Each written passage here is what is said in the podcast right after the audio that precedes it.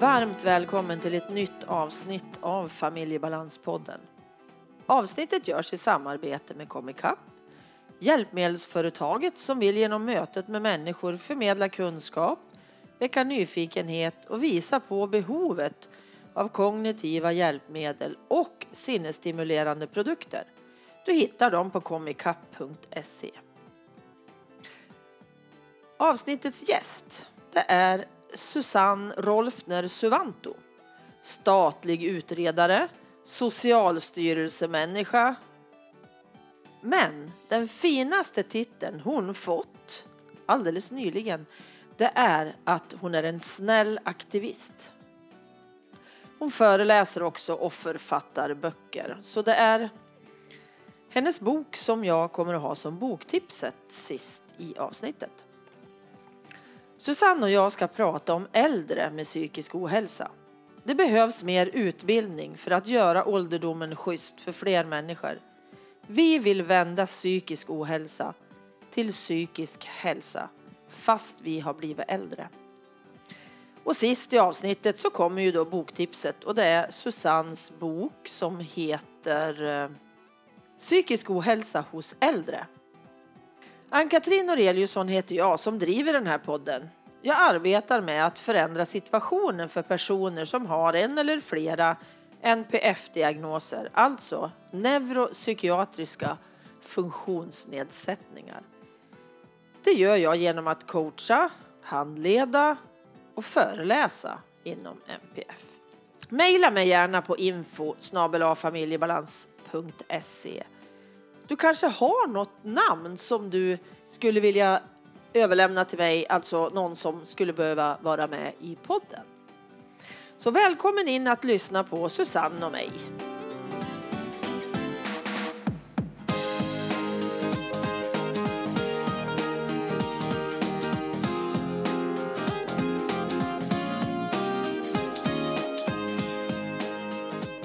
Hej Susanne!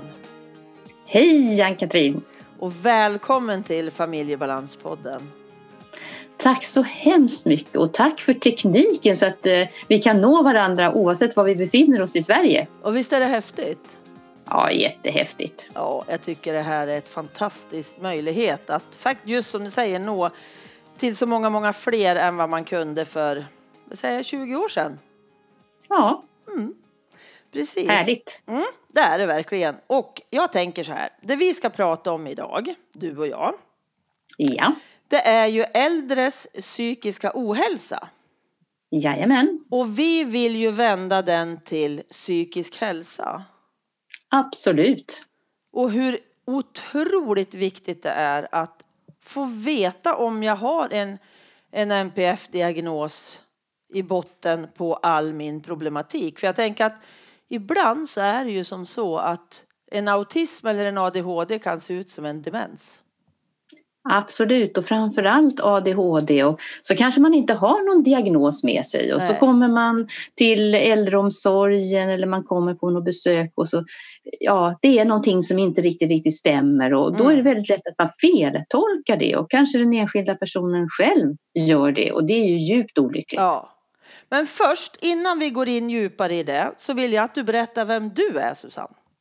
Mm, jag heter ju Susanne Rolf de Sovanto. Eh, och så har jag massa konstiga titlar, både hit och dit, statlig utredare och socialstyrelsemänniska och sånt. Och far land och rike kring och pratar om det här med äldre och psykisk ohälsa och försöker entusiasmera och stödja verksamheter och skriver böcker och så. Men du förstår Ann-Katrin, jag fick en jättefin titel för en månad sedan som jag tänker, det där, det där är min titel. Och vet du vad det var? Nej, berätta. Snäll aktivist.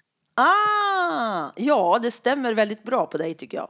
Tack snälla, för jag tänker att det är nog lite det som, som när vi pratar om det här området, ja, är lite min mission. Och jag brukar använda en enda mening, nämligen riv 65-årsgränsen och rädda liv. Ja, det är så sant. För det tänker jag också att vi ska ta upp det här lite med LSS och missförstånd runt det och äldre ja. framöver. Men berätta mer. Är det något mer du vill säga om dig själv eller kör vi igång? Hur tänker du? Vi kan köra igång tycker jag och så kan jag väl säga så här att om det är någon som skulle vilja ha kontakt med mig eller vill prata om till exempel Hjärnkåls seniorambassadörer där, där ju du Ann-Katrin är en sån Ja, fantastisk precis. person. Och om man vill liksom jobba mer med det här området, att man ju kan ta kontakt med dig Ja, men och absolut. med mig. Så kan Jajamän. vi bli ett riktigt litet Kinderägg helt Ja, enkelt. precis. För då kan jag också framföra till dig om det är någon som vill ha kontakt om de inte hittar dig direkt sådär. Absolut, så välkomna. Ja, jättebra, jättebra. Ja. ja, det här med psykisk ohälsa hos äldre. Hur ser det ut idag? Ja, det första jag skulle vilja säga det är ju det att jag ofta problematiserar det här med vem är den äldre? För det är ju Mm. där det ställer till det en massa. Att statistiskt och ganska ofta i, i våra medvetanden eller hos oss alla och även hos mig så drar vi ju den där gränsen vid 65 år som Mm. egentligen bara är administrativ. Det säger ju ingenting om en människa. Eh, och det som är just nu det är ju det att vi har så att säga osynliggjort den psykiska ohälsan hos alla som fyllt 65 år, då blir det bara kroppen. Mm, Och då pratar vi ändå om två miljoner människor i Sverige som är 65 år eller äldre. mm, Som om det här inte skulle vara någonting som finns där. Men självklart gör det det, i alla dess former. Och när vi pratar om psykisk ohälsa så har ju vi det som ett väldigt brett paraplybegrepp om allt från när det gör ont och skaver i själen till att man har en funktionsvariation eller något liknande. Och det kan vara så man kan titta på det. mm, När det gäller depressioner till exempel så är det vanligare hos äldre personer än hos yngre. Det är nästan tre till fyra gånger vanligare. Eh, Och det är definitivt ingenting som är en naturlig del av åldrandet som vi tror. Att det är åldrandet som gör att vi blir deprimerade av, ja, på något sätt, vi får gilla läget eller det här får vi räkna med, tvärtom. Utan det är ju ett ohälsotillstånd som man kan få hjälp med och ska få hjälp med. mm, Tyvärr ser vi att det är både över och underbehandling här. Väldigt lite psykologisk behandling. Men också många som inte kanske får läkemedel heller, fast de borde ha. Och några får, fast de inte alls skulle ha läkemedlen. Det ser ju lite, lite annorlunda ut när man har en depression och har, har kommit upp i åren. Och det är ju att det, det just känns mer i kroppen. Det är inte lika tydligt. Man kanske är mera arg. mm, Eh, Man kanske också har svårigheter som man upplever att man inte riktigt minns. Men det egentligen handlar om svårigheter med koncentration och komma igång. mm, Men det är alltså väldigt, väldigt vanligt. När det handlar om psykossjukdomar och så, så är ju det lika vanligt hos unga som hos äldre därför att vi har ju det med oss på olika sätt. Sen behöver ju inte det vara någonting som ja, vi, vi känner av i vardagen men att man kan bära det med sig. Eh, när det handlar om NPF, självklart är det också, det är en funktionsvariation. mm, Däremot, precis som vi pratade om i början då, så är just ADHD så många äldre personer som inte har en diagnos. Och här har ju diagnosen en viktig betydelse för upprättande, återupprättande för människan. Så många som vi har sett i forskning, äldre personer som säger jag har känt mig fel, Mm. Eh, jag, har tänkt, jag har fått höra att jag är dum, att jag är slarvig, att jag inte kan skärpa mig.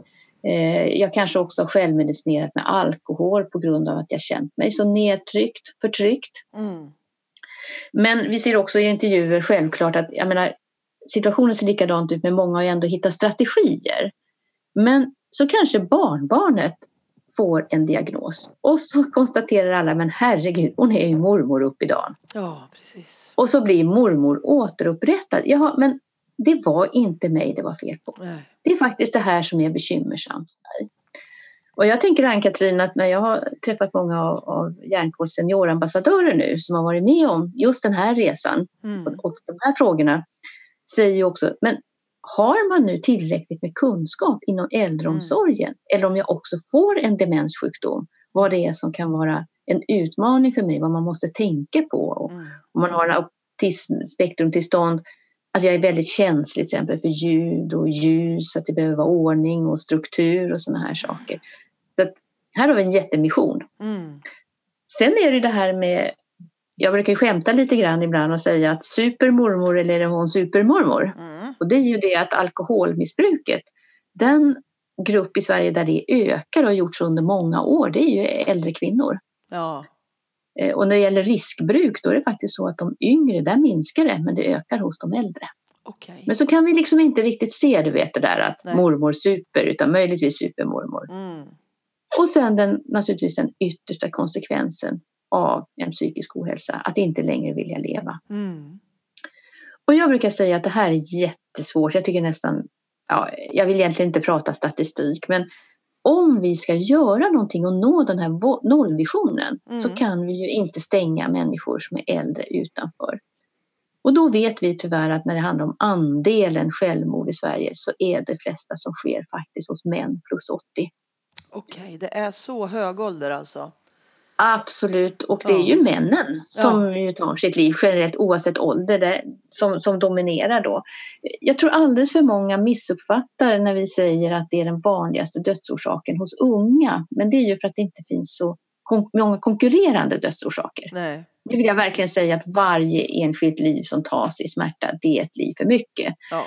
Men just om vi ska jobba suicidpreventivt så behöver vi se att det ligger i den äldre gruppen för att uppnå det. Mm. Det finns ju en del som tror att det här är aktiv dödshjälp, att man fått kanske cancer eller demens och så ändrar man sitt liv. Men det är ju inte det. Det är oupptäckta, obehandlade depressioner. Mm. Så därav mitt motto, riv 65-årsgränsen och rädda liv. Att mm. Nu ska vi strunta i åldrar. Nu ska vi se människor och dess behov. Ja, precis. Ja, det är ju hela tiden, tänker jag.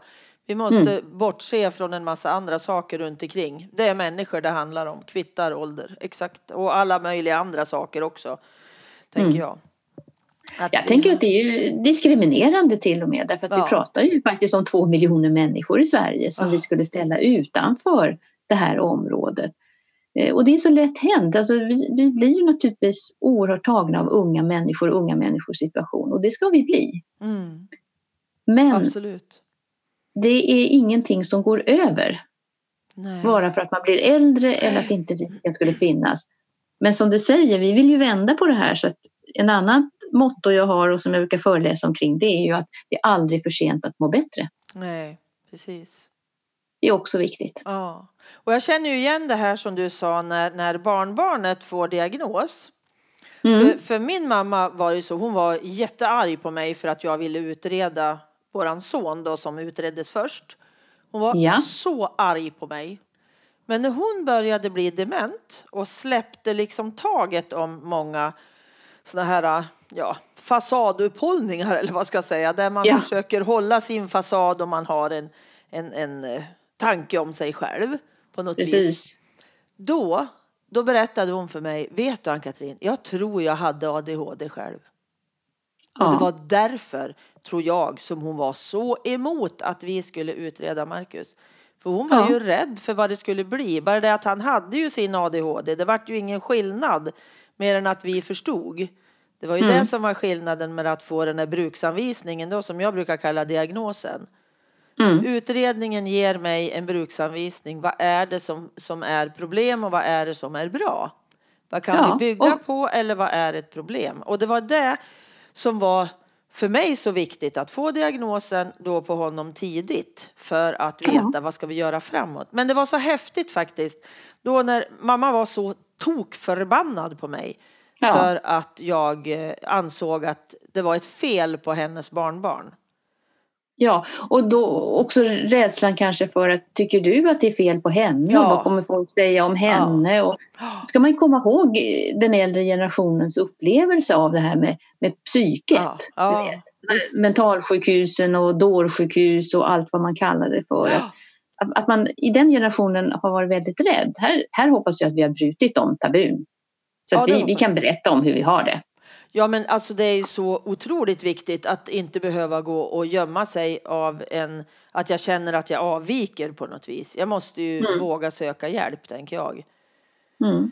Och, och... Vi brukar ibland säga, tänker jag, det här med att, att det är väldigt vanligt med, med olika typer av tillstånd. Och då vet jag att någon sa, men menar du då att vi, vi liksom, ja, säger att äh, men det är så vanligt så ska inte bry dig om det. Nej, jag tänker att det, när vi säger att det är vanligt så menar du det, du är inte ensam. Nej, precis. Och det känns ganska gött att veta att mm. man inte är ensam. Mm. Ja, för det ger ju en, det är ju så jag har hållit min ork vid liv väldigt många gånger. Att jag har haft nätverk med andra människor som har förstått problematiken. Har förstått mm. vad jag går igenom som mm. har varit förälder då. Och eh, det är så viktigt att ha någon att prata med. Att hitta yeah. någon som jag vågar berätta för och sen gå vidare ifrån det. Mm. Jag tänkte det där som din eh, mamma sa, det lät så spännande. Eh, vad tänkte du när hon, när hon sa det att hon nog hade, har eh, ADHD? Var det något som du, det klickade till för dig då eller? Ja, jag är ju utredd också och fick ju diagnos i höstas för ADHD. Mm. Så att jag, jag, ärftligheten är ju jättestor och jag tror att mm. min mamma hade inte bara ADHD, hon hade helt klart en autism Eh, också. Men för henne ja. var det ju enklare att förstå ADHD. För det var ju det vi ja. pratade väldigt mycket om när Marcus var liten. Då. Sen har mm. det ju mm. tillkommit en, en, ett antal diagnoser för honom och hans svårast idag är ju OCD. Alltså hans tvångssyndrom. Ja. Och det hade mamma. När jag har lärt mig och sett Marcus så ser jag, det var ju det mamma hade också. Hon hade ja. jättemycket tvång. Och vi ja. skrattade åt henne och tyckte, åh herregud vad du håller på. Men mm, mm. idag mm. förstår jag ju, hon hade ju tvångssyndrom. Mm, mm. och handikappade henne jättemycket. Och det här är också ett område som jag tycker är jätteviktigt att vi hjälps åt allihop att ge mer kunskap och erfarenhet mm. omkring till inte minst hemtjänstpersonal mm. som ibland blir så både oroliga och ängsliga och desperata ibland när man kanske kommer till en äldre person som har samlat mm. saker i hela lägenheten och så mm. får man inte röra någonting. Och det blir kaotiskt och så känner man krav både från omgivning och anhöriga att man ska röja upp i detta och så går det inte för en lidande människa. Så det, här skulle vi också behöva öka kunskapen tycker jag, medvetenheten. Absolut. Jag har ju haft ett handledningsuppdrag inom äldreomsorgen här i Hudiksvall. Åh, vad roligt. Just för inom tvångssyndrom. Mm. Där jag har handlett personalen och det har varit väldigt lyckat för att både den boende personen och personalen fick ett otroligt mycket bättre förhållande till varann och mm. eh, alltså kvaliteten blev ju helt annorlunda. Så det har varit fantastiskt roligt. Och så kan man ju prata om det då sinsemellan, att man mm. kan liksom mm. resonera om det och mm. säga men det här är ju ditt tvång nu och hur ska vi hantera det mm. och göra? Och så blir det inte den där elefanten i rummet Nej, heller. Precis, nej. Nej, det är Vad kul Ann-Katrin, då ska ja. jag skryta ja. om Hudiksvall. Du vet jag får ju land och rike kring. Och så bär ja. jag med mig en massa bra saker och så mm. kan jag ju säga nu då till nästa ställe att vet ni vad? Att i Hudiksvall, mm. där gjorde man det här och mm. då gjorde Ann-Katrin det här. Mm. Det där är ju käckt vet du. det måste det vi sprida vidare. Det är mm. bra. Det är bra. Precis. Nej men alltså det är så oerhört viktigt tänker jag att, att alla får kunskap runt omkring. Både alltså anhöriga får förståelsen ja. och alla som jobbar inom yrkena som finns runt de äldre. Det är ett jätteuppdrag som vi måste lösa på något vis tänker jag. Ja, Helt och jag tänker så här att eh, jag vet ju att mycket av, av personalen inom äldreomsorgen alltså, vill ju göra sitt allra, allra yttersta och så känner man sig så tveksam och hur ska man göra de här situationerna? Mm. Och jag brukar säga att den här grundläggande kompetensen, förhållningssättet som vi gör när vi jobbar med människor som har demenssjukdom. Mm. För där kan ju vi som jobbar med psykisk ohälsa bli rädda och tycka nej men blanda inte ihop det med demens.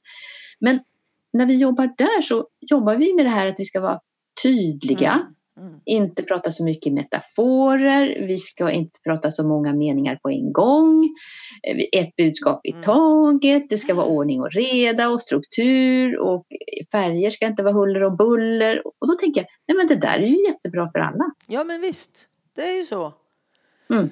Precis så, och väldigt mycket tänker jag, alltså det, är ju, det påminner ju om varandra förhållningssättet. Alltså ja. MPF och eh, demens hur mm. jag ska förhålla mig just med det här avskalade och göra det så enkelt som möjligt, alltså så, så rent som möjligt kan man ju säga då, utan ja. att det måste vara städat i hörna, inte det rent menar jag. Nej. Utan eh, den här eh, det ska vara greppbart för individen som har de ja. här funktionsnedsättningarna. Mm. Och, och, inte där, hoppa hit och dit nej. med tiden. Till exempel. Och jag kan, jag kan ta lärdom av att lär jag mig då MPF, då kommer det ja. också passa alla. Det är inget specifikt att det måste vara så för den och så för den. Utan mm. då, då lär man sig det. Då har man ju liksom en grund, en baskunskap hur alla människor mm. mår bättre. Ja. För det är ju få personer som tycker att det skulle vara besvärande om någon alltid ser till att komma i tid till exempel. Mm, eller vad det nu precis. kan vara för någonting. Utan det mår alla bra av. Ja. Men för andra så kan det ju vara så att det, det blir en katastrof om man inte gör det. Mm. Men det är som med diabetesmat säger Om alla åt som diabetiker och så, så det, det mår vi bra av allihop. Ja, men Det är inget precis. Mm. Precis. Det är ju det där liksom som vi behöver förstå. Ja, Jätte, jätteintressant tycker jag. Alla de här delarna är.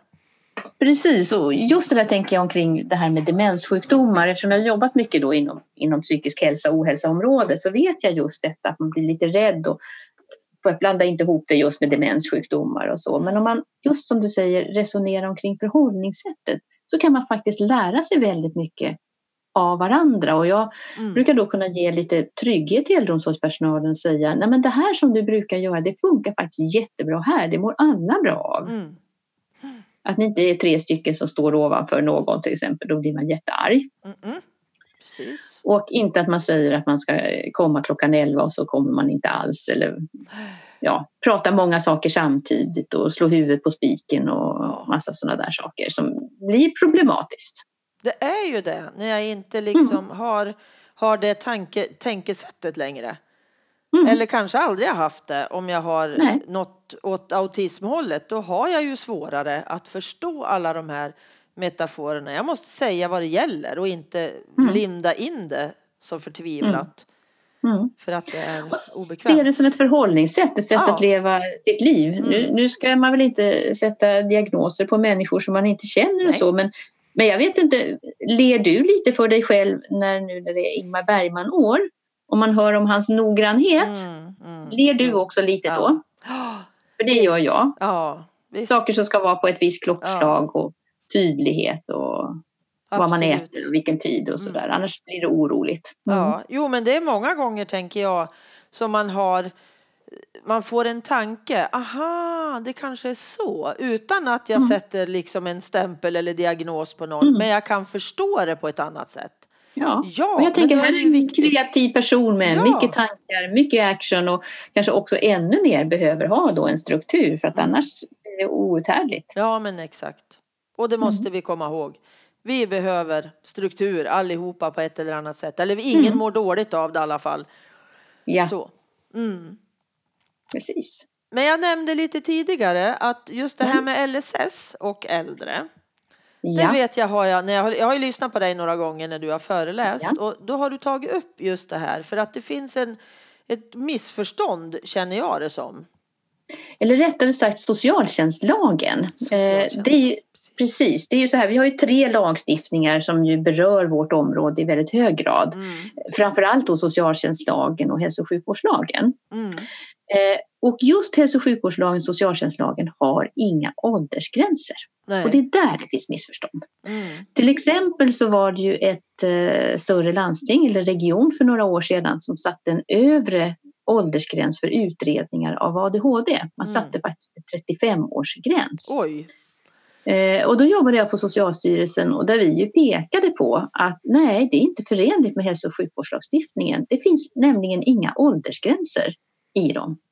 Vi har några åldersgränser och det handlar om sånt som eh, eh att man kör könskorrigeringar och det kan handla om eh, sterilisering till exempel. Det, och, ja, det är det vi kan ha en åldersgräns om. Annars får man inte ha det utan det ska vara baserat på behov. Om Mm. man tänker om man är mycket högt upp i åldern så kanske man inte gör någonting för att det kan vara skadligt för den personen medicinskt, men då är det Mm. medicinsk bedömning. Mm, Likadant är det med socialtjänstlagen, det vill säga att personer kan så att säga, bli av med ett boendestöd eller en Mm. sysselsättning som man har genom socialtjänstlagen. mm. Och så brukar man titta på mig och säga, men det står ju där att det är 65-årsgräns. Nej, så jag, det gör ju inte det. Nej. Socialtjänstlagen har inga åldersgränser och inga diagnoser utan handlar bara om behov. Däremot LSS, den har ju både eh, så att säga, det här med, med personkretsar Mm. och eh, åldrar. Men har du en LSS-insats och fått den innan du har fyllt 65, då har du rätt att ta den med dig över 65-årsstrecket. Precis. Däremot kan du inte få nya insatser eller få LSS för första gången efter du är 65. Nej. Men fram till 2001, 2002, då fick man ju inte heller ta med sig eh, så att säga, de insatser man fick enligt LSS när man har fyllt 65. Nej. Så plötsligt kanske man var tvungen att, att flytta någonstans för man fick Mm. inte ha assistenter och allt vad det var. Men, men det är borttaget i alla fall. Mm. Så var det faktiskt ja, för en kvinna som bodde på samma boende som min mamma. Det var ett demensboende och den kvinnan var inte dement men hon var handikappad, alltså fysiskt. Ja, ja. Hon hade fått flytta in på äldreboendet, alltså demens, för att hon blev av med sin LSS. Och Ja, det precis. var inte 2001 kan jag säga, det var långt Nej. senare. ja. Och Skrämmande. då blir det ju ja. så bort i tok verkligen. Ja. Och då, jag tycker att det är bra att man ska lära sig lagstiftningen ord- ordentligt så att säga. Men också se att lagstiftning är någonting jätteklurigt. Jag har ju Mm. jobbat med en statlig utredning nu och haft Mm. tillgång till fantastiskt goda jurister och, och lärt mig väldigt, väldigt mycket av dem. Då, hur, man, Mm. hur man kan tänka och resonera. Men mitt tydliga budskap här är ju att socialtjänstlagen och hälso och sjukvårdslagen har inga åldersgränser. Gränser som man har eller man säger att det här kan vi inte göra ska vara medicinskt grundat eller det ska vara grundat under socialtjänstlagen i att, att de här behoven inte finns. Mm. Men inte i åldrar. Det där, det ska vi plocka bort ordentligt.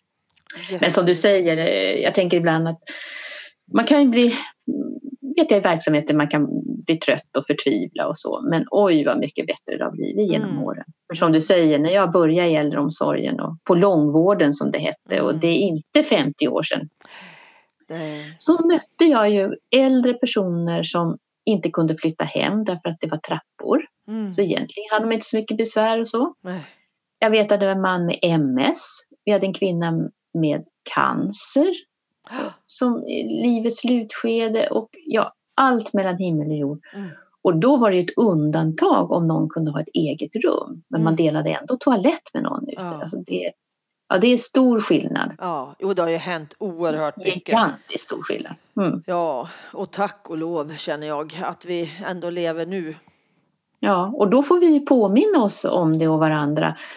Vad som en gång har varit så vi Mm. inte ramlar tillbaka. Tänker jag. Ja, ja det är ju otroligt viktigt. Mm. Och vi väljer, vi var, nu när det här avsnittet sänds då har det ju varit val så vi vet ju Ja. resultatet då. Men Mm. idag, några dagar innan valet, vet vi inte det. Hur det kommer Nej. att se ut. Och ja, det känns jätteviktigt det här valet tycker jag. Får se vad det blir. Det gör det av många, många skäl och jag har ju som du vet ett förhållningssätt apropå snäll aktivist att jag blir lite bekymrad som jobbar med psykisk ohälsa och hälsa. Hur, hur, hur de pratar med varandra de där politikerna. Mm. Det kan inte vara en människa som går hem och mår bra efter det där. Nej, det känns inte så. Så jag undrar hur de har det. Så tänker jag. Jag kan Ja. inte låta bli. Till slut lägger jag dövörat till, till politiken och så tänker jag eh, kära någon, den här människan ska ju gå hem. Den här Mm. människan har barn och familj och en mamma och här kanske ungarna sitter uppe och tittar. Vad säger de om min mamma eller min Mm. pappa här? Ja. Och, det där borde vi göra någonting åt tycker jag. Ja, det är med. För det sprider sig. Ja, precis. Men jag tänker på det här, du pratade, vi pratade lite om suicid. Ja. Och eh, vad ska vi göra? Fin, har du några konkreta förslag? ja, våga fråga. Mm. Att när människor omkring oss, vi känner att det har hänt någonting, förändras kanske eller säger ja, men det, jag, jag tycker att allting är meningslöst. Mm.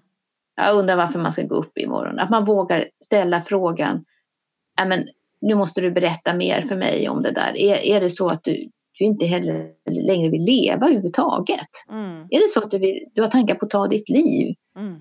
Att också våga ställa frågan när, när människor ger väldigt tydligt uttryck för att har du planerat för det här? Att liksom, ja, det är Mm. väldigt bra att prata med varandra och man ska Mm. inte vara rädd för att prata med varandra. Det händer inget farligt, snarare tvärtom. Eh, vi pratar ju allt mer om att självmord är ju egentligen psykologiska olycksfall. Alltså när man förlorar sin förmåga att kunna ja, alltså man förlorar förmågan till att lösa problem. Man Mm. blir desperat, man har tappat allting. Mm. Finns det en människa som kan gå in och bryta det här eller Mm. börja resonera, prata, man får liksom lite får komma ut igen Mm. i, i ljuset så är det mycket väl värt. Ja, Jag uppmanar gärna det finns ju utbildningar som du vet, allt från Våga fråga Mm. till första hjälpen-utbildningar. Man kan lära sig, träna lite. mm. För jag tänker också det här att just det här med att ställa frågor. När Ja. jag får höra, när, om jag får en fråga om jag mår väldigt dåligt och så får jag en Mm. fråga och jag får formulera mig. Ja. Jag hör ju själv vad jag säger och då kan det bli på ett helt annat sätt. Ja. Att jag vaknar till. Jaha, det finns. Jaha, tänker jag så.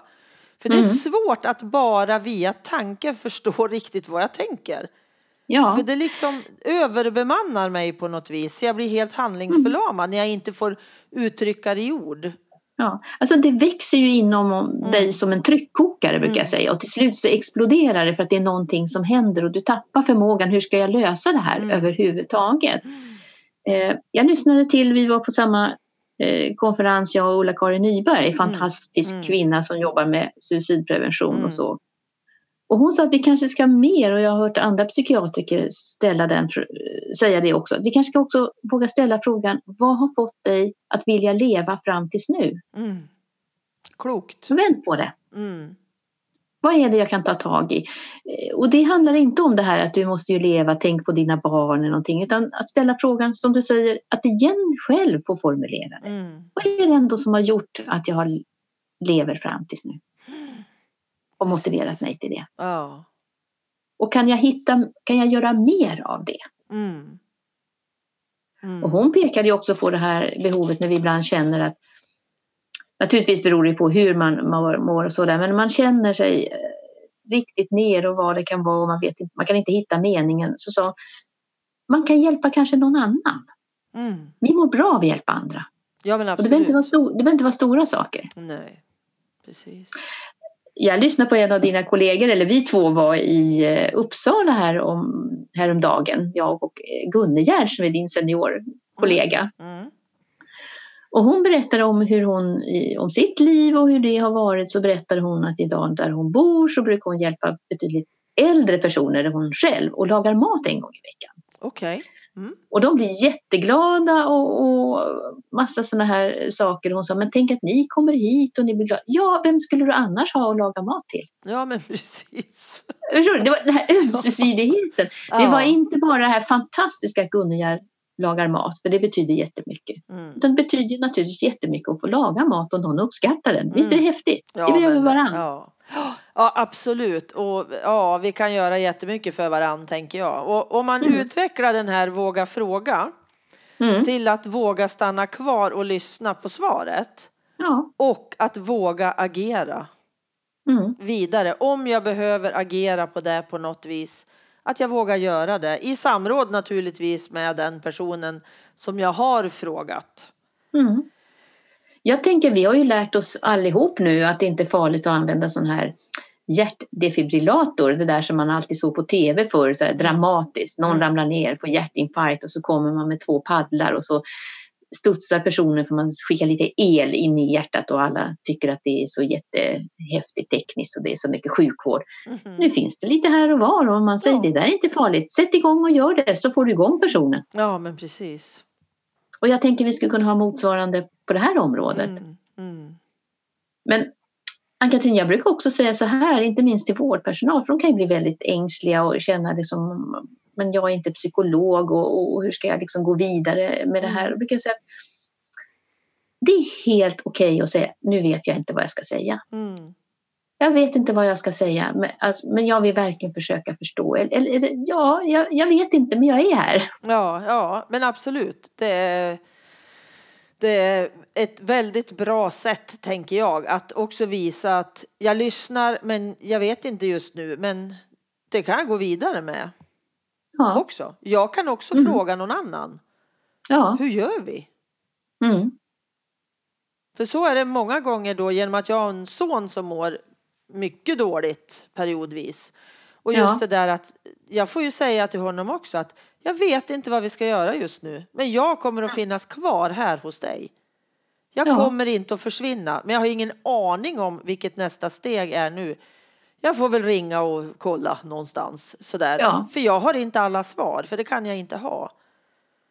Nej, och det blir trovärdigt och kanske är det så för en del av oss att då kan man också kicka igång lite i sin egen tankeverksamhet. Mm, Att vi börjar tänka tillsammans, vad, vad, vad tror du skulle vara nu det här optimala? Och kan vi kanske ta en liten andningspaus precis här och nu? Vi, vi Mm. bara sätter oss och är ett tag så Mm. får vi tänka båda två Ja, precis. hur vi kan göra det. Jag, jag, ja, jag tror på det där att då tror jag man blir lugnare och tryggare och då, då kommer en massa lösningar och tankar och förhållningssätt lättare fram än att Mm. man blir, blir för rädd.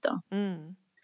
Det brukar jag faktiskt säga, jag är ju sjuksköterska i grundprofessionen och eh, när man är ny ung sjuksköterska så blir man liksom rädd när någonting händer, Mm. vad den är. Så, så blir man så snabb att nu måste jag göra någonting. Mm. Så nu när jag har fått lite år på nacken själv så brukar jag säga ta ett litet andetag och tänk först. Mm. Det minskar risken att du gör fel. Ja, men precis. Att inte agera i samma sekund som Nej, tanken ja, far in i mig. Vad ska jag göra nu? Och då blir det, Ja. låser det ju sig istället. ja. Mm. Och så kanske du gör någonting som inte blev så jättebra. Mm. Och att 30 sekunder, du, du har tid. Mm. Och 30 sekunder är jättelång tid ska jag Ja. säga när man hamnar i en akut Ja. situation. Det Mm. är det. Absolut. Precis. Jag tänkte på en sak, eh, Ann-Katrin, för det får jag ofta frågan om också. Mm. Och säger man så här, ja, men riktigt gamla människor säger ju ibland så här att ja, nu skulle jag kunna dö. Mm. Nu räcker det för mig. Och så är det många som säger, ja men ska vi göra en... Alltså, tror att det handlar om självmord men, och, och så vidare? Och då har jag också hört något så jättebra via Ulla-Karin Nyberg som säger att vi måste skilja på livsleda och livsnöjdhet. Mm. Mm. Att kanske för den väldigt, väldigt gamla personen så kan ju känslan vara just att man säger, ja men jag är nöjd nu. Det är Mm. bra nu. När döden kommer så är jag inte rädd. Nej. Utan den, kan få, den är välkommen, den kan få komma vilken dag som helst. Mm. Och det är ju någonting annat än att säga, jag orkar inte leva längre. Ja, men precis. Det vore bättre om jag försvann. Ja. Det finns ingen mening. Eh, så det är verkligen en uppmaning, tänker jag, till de som jobbar inte minst i äldreomsorgen. Att, Mm. att tänka på det, att det är skillnad mellan livsnöjdhet och livströtthet. Mm. Och man ska inte behöva dö i en, i en själslig smärta heller. Att det inte är någon mening med mitt liv. Nej. För det kan man få hjälp med om man har de tankarna och de känslorna. Ja, precis. Så att man kan bli livsnöjd Ja, istället. Mm. men precis. Och få ett, ett, ett, en bra bit på slutet också när jag lever. Mm. Helt Jag klart. tänker på det som en sån där omvänd förlossning. Ja. Jag tänker vi är så noggranna med det lilla barnet som ska komma ut i världen och det ska Mm. vara lugnt och fint och samlat och, och så. Jag tänker att vi, vi kanske ska Ingen utav oss vet ju vad som händer sen men vi kan väl tänka oss att vi, vi gör det fint dit man nu ska eller Ja. vad det ska vara. Liksom Precis. skickar iväg människan åt det hållet Ja. med värme och ljus och lugn och, och så. En stilla. Ja. Och utifrån den människans behov. Det är ju Mm, så, precis. mm, Mm. mm. Det lät som en väldigt fin avslutning, tänker jag, på det här samtalet. ja. Om inte du har något mer som du vill? Nej, jag tänker, jag tänker precis som du att en bra avrundning, det, det verkar ju vara så i det som jag arbetar med. Att då slutar man ganska ofta med att ja, vi ska ju alla dö och så Ja. brukar jag le väldigt stort. Mm. Precis. Sån är jag då. Mm. Ja. Tusen tack Susanne. För att Tack jag till Dig, Ann-Katrin. Tack för allt det du gör ska jag säga. Tack. Ja, jag Tummen tycker ju podden är fantastiskt rolig att göra. För jag får ju lyssna och prata med så otroligt många intressanta människor. Mm. Som jag inte hade fått möjlighet till om jag inte hade startat podden då för är snart tre år sedan faktiskt. Mm. I dagarna så har vi, har vi hamnat uppe på 73 000 drygt som har lyssnat. Det är häftigt. Det är riktigt häftigt och jag tänker så här att jag vill också skicka just en riktigt varm hälsning till det jobb du gör Ann-Katrin som ambassadör, som språkrör, med din berättelse, med handledningen har jag lärt mig nu i Hudiksvall Mm. och sådana saker. Och ja, du och ni är ju mina hjältar. Ja, det är bra. För du är en av mina Susanne. Men tack snälla. Tack snälla, ha det gott nu. Du med. Tack och tack. Fint. Hej då!